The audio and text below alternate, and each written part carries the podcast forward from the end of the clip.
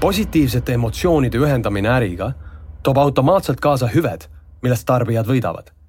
ilmselt on igaüks märganud, et autodisain on hüppeliselt paranenud võrreldes sellega, mis see oli viisteist aastat tagasi. absoluutselt kõikides valdkondades, äris ja linnaruumis üldiselt, on selgelt näha ilusa ja esteetilise disaini esilekerkimist. tekib juurde asju, nähtusi ja funktsioone, mille ainus otstarve on tekitada head emotsiooni. ja see kõik on võimalik ainult sel põhjusel, et teatud inimesed on jõudnud oma arengus kohta, kus nad on õppinud väärtustama ja usaldama oma emotsioone. seni, kuni emotsioone nähakse kui nõrkust ja usaldatakse ainult külma, kalkuleerivat mõistust, ei ole võimalik väärtustada teenuste puhul ja asjade tootmisel ning loomisel niivõrd abstraktset aspekti nagu emotsioon, mida see inimeses looma peaks. Tähtis on vaid funktsionaalsus. auto on turvaline ja mugav. miks veel panna rõhku tagatulede disainile? Telefon töötab. miks peab panustama materjali kõrgläikele?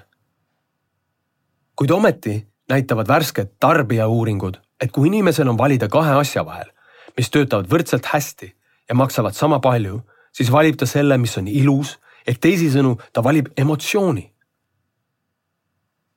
Hoolimata oma paljudest nõrkustest oli Steve Jobs tugevas kontaktis oma tunnetusega ning oskas seega tajuda ka tarbija tunnetust.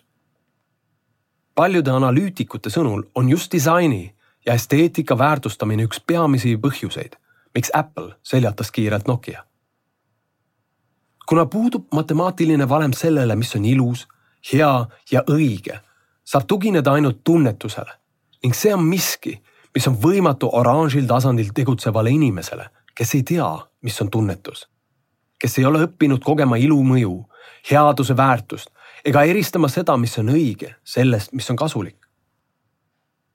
ilu ei ole võimalik ratsionaalsusega disainida, sest see, mis on ilus või kole, põhineb subjektiivsel tundel.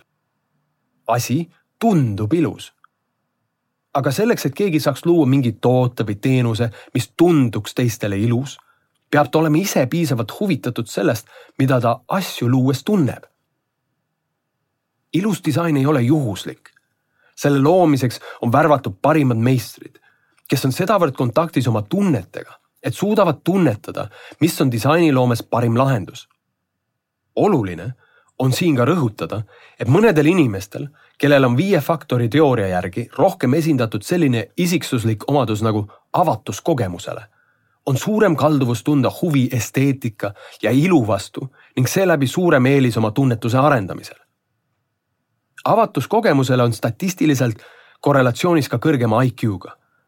kui sina näiteks soovid ennast testida nii avatuse kui ülejäänud kalduvuste suhtes nagu ekstravertsus või introvertsus meelekindlus, sotsiaalsus, neurootilisus, siis minu arvates on parim test kodulehel www.understandmyself.com.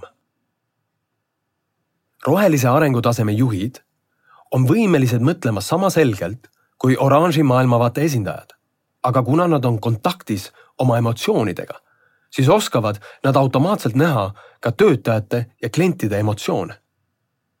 see omakorda aga annab neile tööandjana ning tooteid ja teenuseid müües selge konkurentsieelise, sest nad suudavad rahuldada oma meeskonna emotsionaalset vajadust hoolivuse ja pühendumuse järele ning pakkuda tarbijale seda, mis loob tunde, mida nad asja ostes tegelikult tunda tahavad